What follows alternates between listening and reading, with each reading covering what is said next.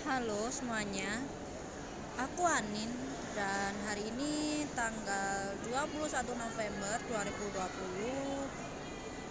Aku mau membahas tentang rasa jenuhku yang akhir-akhir ini itu kayak overwhelming banget dan membuat aku pengen jalan-jalan ke Batu kek atau ke Selekta atau ke Jatim Park pokoknya ke tempat wisata gitu. Biasanya sih kalau aku lagi jenuh kayak gini tuh aku makan gacoan atau dimsum atau ayam nelongso gitu udah udah ngefek. Terus minum kopi kenangan atau kopi janji jiwa. Pokoknya kopi-kopi kekinian gitu teh tarik atau tea gitu juga udah ngefek sih kalau buat aku. Tapi aku udah ngelakuin itu semua dan nggak terlalu ngefek. Masih kerasa jenuh masih kerasa pening kepalaku anjay pening. Ya pokoknya jenuh gitu loh yang kayak mau ngapa-ngapain kayak nggak semangat gitu aneh banget deh. Aku juga udah nyoba buat uh, nonton film. Tapi nggak ngefek juga. Udah olahraga udah senam. Nggak ngefek. Terus sudah ngapain ya? Youtubean sampai kuota boncos. Itu juga nggak ngefek. Ya gitu-gitu aja terus sudah ngapain lagi ya? Ya itu sih aku biasanya kalau lagi jenuh ya ngelakuin hal-hal itu aja. Terus udah selesai jenuhnya udah hilang. Tapi nggak tahu kenapa sekarang masih kerasa banget gitu. Dan aku ngerasa kayaknya emang aku perlu jalan-jalan sih ini. Soalnya aku emang jarang jalan-jalan jarang ke tempat wisata sama orang tuaku atau sama temen gitu. Jarang sih. Selain nggak ada waktunya kalau sekarang ya. Sekarang itu aku nggak ada waktunya soalnya aku liburnya cuma hari minggu. Itu udah mepet banget sama aku masuk kerja kan hari senin. Terus duitnya juga nggak ada sih anjay. Jujur banget aing ya itu sih dua kendala itu sih. Aku belum ada duit sama belum ada waktunya yang benar-benar luang gitu. Aku tuh ya saking pengennya jalan-jalan aku tuh sampai download Google Earth tau di HP aku. Terus aku search jalan dari rumahku terus ke arah mana? Ke arah Selekta gitu. Terus ke arah PNS ke arah Batu gitu. Itu aku sampai aku liatin. Bayangin seadanya aku juga lagi jalan di situ juga. Lagi naik motor terus lihat jalanan yang menuju ke arah Selekta ke arah PNS ke arah Museum Mangkut gitu sih. Aku sampai segitunya loh pengennya jalan-jalan tuh sampai aku juga cari-cari di internet. Tempat wisata apa sih yang lagi hits gitu akhir-akhir uh, ini? Dan aku nemunya ada suatu tempat di Batu.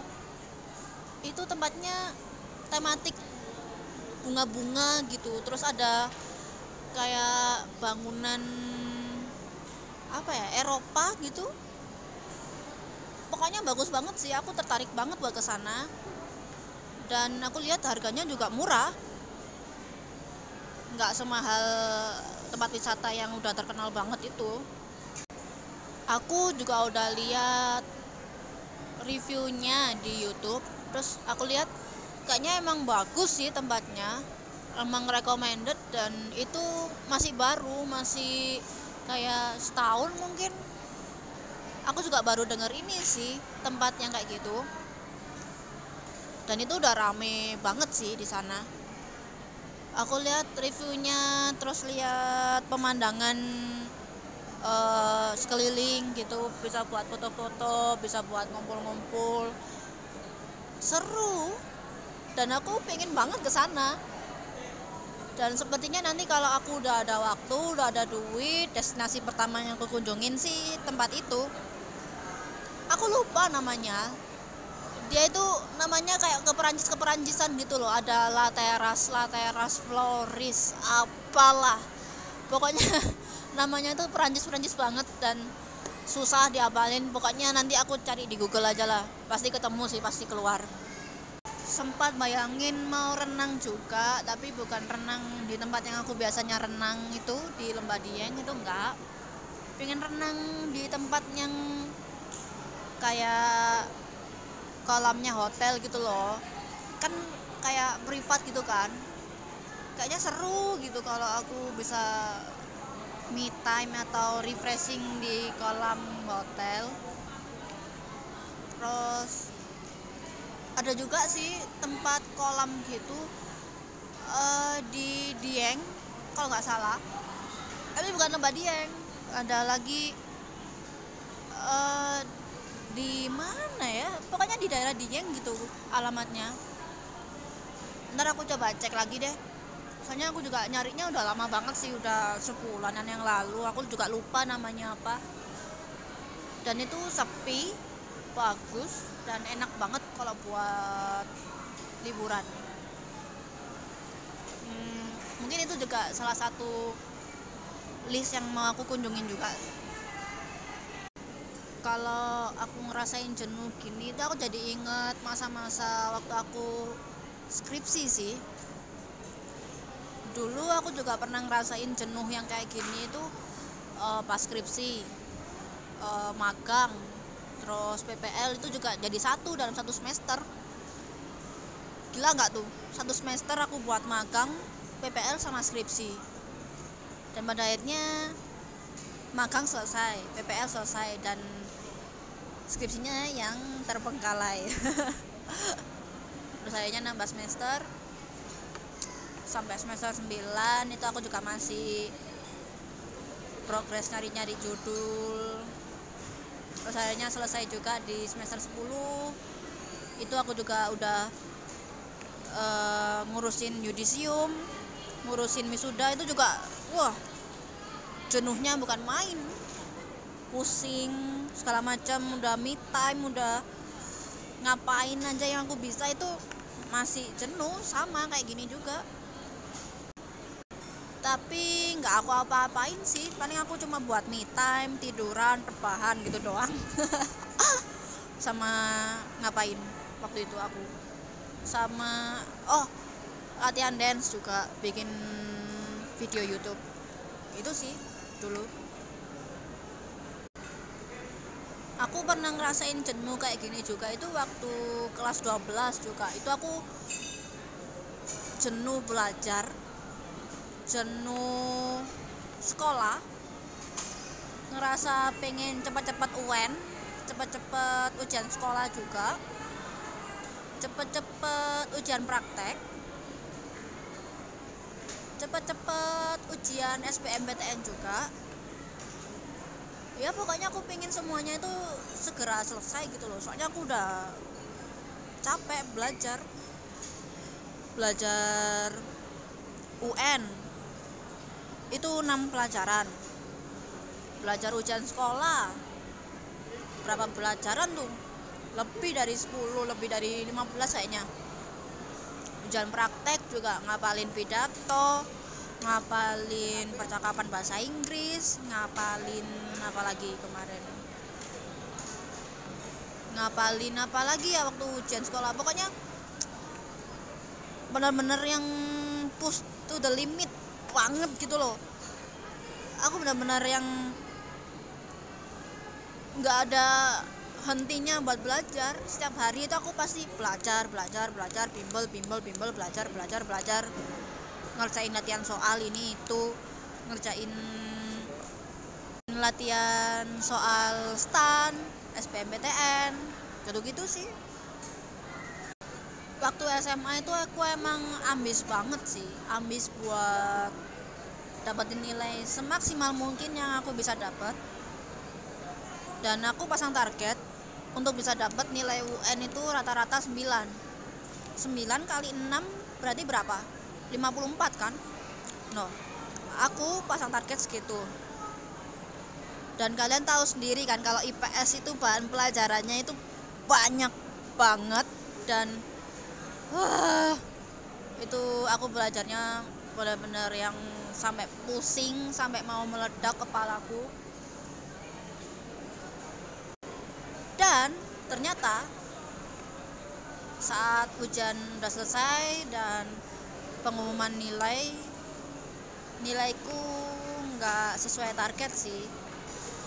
Nilaiku waktu itu 51,00 yang artinya nilaiku pada saat itu rata-rata 8,5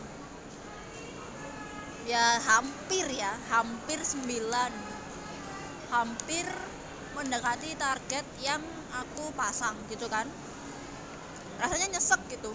Aku udah belajar mati-matian udah sampai jenuh udah sampai puyeng udah sampai mau meledak kepalaku. Tapi ternyata nilaiku nggak sesuai targetku. Hmm. Yang sembilan sih waktu itu bahasa Indonesia sama matematika sih. Bahasa Indonesia nya 9,6 uh, matematikanya dapat 9 pas yang lainnya 8 sama 7 yang tujuh bagi geografi. 7,8 kalau nggak salah. Lainnya 8 setengahan kalau nggak salah sih. Ya udah lama juga. Uh, pengen gitu ngerasain nilaiku di ijazah 99999 gitu. Kayak enak aja gitu dilihat buat sejarah juga kan kalau di ijazah di rapot gitu kalau dilihat lagi oh aku pernah dapat nilai 9 pernah berjuang mati-matian buat dapat nilai segini gitu. Ya dulu aku seambis itu sih. Terus kan dulu habis UN ada itu kan SNM SNMPTN anjir sampai belibet. SNMPTN itu aku nggak lolos. Sedih tapi aku juga harus tetap belajar buat SBMPTN dan itu lebih puyeng lagi daripada UN itu aku benar-benar sampai pusing karena soal SBMPTN tuh benar-benar gimana ya? Beyond expectation banget gitu loh. Yang uh, soal-soal yang benar-benar buat olimpiade gitulah itu kelasnya itu kayak gitu sih kalau menurut aku loh ya. Aku SBMPTN asli waktu hari H ngersain matematika dari berapa soal gitu ya 20 atau 30 soal aku cuma bisa jawab satu. Satu doang itu nomor satu. Nomor satu doang satu dan itu pun aku juga ini benar gak sih? Gitu. Tapi ya ya udahlah ya. Terus uh, yang aku nggak bisa juga ekonomi. Itu benar-benar mikir keras aku waktu ujian. Terus TPA itu juga aku benar-benar nggak bisa aku. Kalau TPA itu anjir matematika logika gitu-gitu itu benar-benar bikin aku puyeng waktu belajar. Dan alhamdulillahnya perjuanganku buat belajar SBMPTN setiap hari itu nggak sia-sia gitu. Aku bisa masuk UB dan ya merasakan kehidupan kuliah di PTN rasanya bau banget gitu. Karena emang sebahagia itu sih aku masuk PTN senang itu karena perjuanganku ternyata nggak sia-sia. Jenuhku nggak sia-sia. Penatku nggak sia-sia. Gitu aja sih aku mikirnya. Kelas 12 itu aku juga selain belajar itu ya belajar SBMPTN aku juga belajar buat stan dan itu gimana ya? Aku udah belajar udah ikut bimbelnya juga tapi ternyata aku nggak lolos. Memang bukan jalannya sih kayaknya. Aku waktu itu sedih banget. Sampai nangis waktu tahu namaku nggak ada di daftar orang-orang yang lulus itu aku nangis sih seharian di kamar. Soalnya aku juga belajarnya juga mati-matian itu yang buat stand sampai beli bukunya terus ikut bimbel. Rasanya ya sedih kecewa cuma ya ya udahlah. Toh aku juga udah diterima di UB nggak bayar juga kuliahnya karena aku dapat beasiswa. Hmm, di stand kan juga nggak bayar kan? Jadi ya sama aja sih kalau buat aku. Ya emang bukan jalannya aja sih kalau buat ke stan. Waktu SMP juga aku pernah sih ngerasain jenuh yang kayak gini juga. Kelas 9 tepatnya. Sama-sama mau UN juga kayak kelas 12 tapi waktu kelas 9 itu aku lebih ke kayak aku harus benar-benar ngerubah nasibku sih. Soalnya setiap aku tryout nilai IPA sama matematika aku itu benar-benar nggak nggak memenuhi syarat lulus sih. Matematika aku itu aku cuma bisa jawab 4 bisa jawab 5 dari 40 soal itu aku cuma bisa jawab segitu. Bayangin itu kalau aku terusin kayak gitu aku bisa-bisa nggak lulus SMP soalnya kan batas lulus UN SMP kalau e, kalau nggak salah waktu itu berapa ya? 5 atau 4 gitu. Dan kalau aku bisa jawab cuma 4 soal atau 5 soal kan berarti aku cuma dapat so, e, dapat nilai satu atau dua gitu kan. Masih jauh jauh banget. Dan akhirnya aku juga mau nggak mau jenuh atau tidak penat atau tidak aku harus belajar matematika sama IPA buat aku ngerubah apa ya ngerubah jalan hidupku gitu biar aku bisa lulus. Apalagi waktu itu akan aku juga sekolahnya di SMP 1 ya SMP 1 Malang. Itu kan sekolah favorit gitu. Masa iya ada anak sekolah di sekolah favorit tapi nggak lulus gara-gara matematika sama IPA kan nggak lucu gitu. Akhirnya ya karena termotivasi itu terus karena juga mau merubah nasibku juga mau merubah jalan hidupku ya udah mau nggak mau aku belajar setiap hari. Uh, ngedrill matematika sampai ikut les privat matematika juga. Itu pulang dari uh, apa namanya bimbel di GO aku masih belajar lagi tuh. Masih belajar drill matematika. Ngerjain soal-soal matematika sendiri. Terus kalau nggak bisa jawab juga aku simpen dulu soalnya terus aku tanyain ke guru privat matematikaku ini jawabnya gimana. Ya gitu-gitu sih. Waktu kelas 9 aku benar-benar jenuh nggak jenuh ya harus dijalanin. Nggak boleh ngeluh jenuh penat atau gimana gitu enggak dan pada akhirnya hasilnya UN tuh keluar kan. Udah UN terus hasil UN nya itu keluar dan ternyata perjuanganku nggak sia-sia sih waktu kelas 9 dari yang aku cuma bisa jawab 4 atau 5 soal itu pada akhirnya di UN aslinya aku salah 4 atau 5 soal.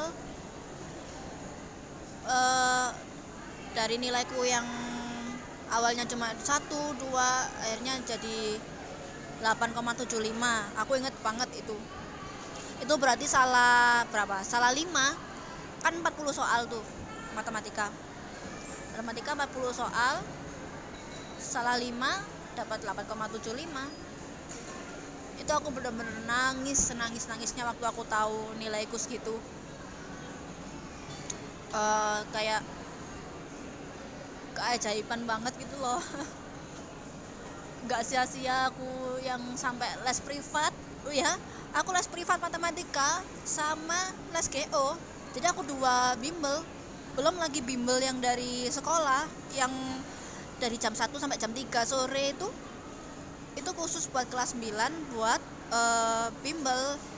Khusus buat mata pelajaran UN itu yang namanya jenuh yang namanya takut atau apa pun itu benar-benar langsung luruh langsung ganti jadi bahagia nangis senangis nangisnya ah pokoknya kalau inget-inget dulu itu ah rasanya kayak gimana ya senang aja gitu. Ternyata kalau kita berusaha ternyata nggak nggak sia-sia ternyata hasilnya semakin dewasa aku juga semakin ngerti kalau ambis itu boleh punya pemikiran buat terus belajar buat terus berkembang itu sangat boleh sangat boleh banget. Cuma ya kita harus tahu waktu tahu kondisi kita juga kapan kita harus istirahat kapan harus berhenti sebentar buat nenangin diri biar nggak burn out biar nggak kayak aku sekarang ini jenuh. Terus kayak aku dulu waktu sekolah juga jenuh. Sampai otak mau meledak juga. Ya intinya jangan ngegas terus lah. Ada waktunya kita buat chill buat istirahat jangan ambis terus ntar tenaganya habis. Gitu sih aku mikirnya sekarang. Gak usah yang ngotot banget gitu. Mau ke mana juga sih buru-buru amat gitu kalau kata orang mah. Ya ini aku sekarang juga lagi belajar buat chill buat santai aja lah. Nggak usah yang ambis-ambis banget gitu ntar jadinya ya gini jenuh penat pengen jalan-jalan. Tapi itu juga manusiawi juga sih. Even aku nggak ambis pun kayaknya semua orang pasti butuh liburan kayak gitu sih. Entah orangnya ambis atau enggak juga orang perlu istirahat perlu liburan. Cuma kalau ambis kan jadi lebih banyak energi yang terkuras gitu jadi makin sering kita buat harus istirahat gitu. Oke mungkin sampai sini dulu aja ya podcast kali ini. Aku udah cuap-cuap berapa lama ini? Eh, nggak kerasa. Ya udahlah. Uh, semoga ada hal yang bisa kalian petik dari podcast kali ini yang antara jelas atau tidak tapi kayaknya tidak jelas juga ya. Anjir. Uh, ya udahlah. Terima kasih buat yang udah dengerin podcast kali ini. Uh, sampai ketemu di podcast selanjutnya. Kalau aku bikin anjay. Tapi ya pasti kayaknya bikin sih. Soalnya lagi banyak hal yang mau aku omongin. Uh, ya udahlah. Have a great day semuanya. Goodbye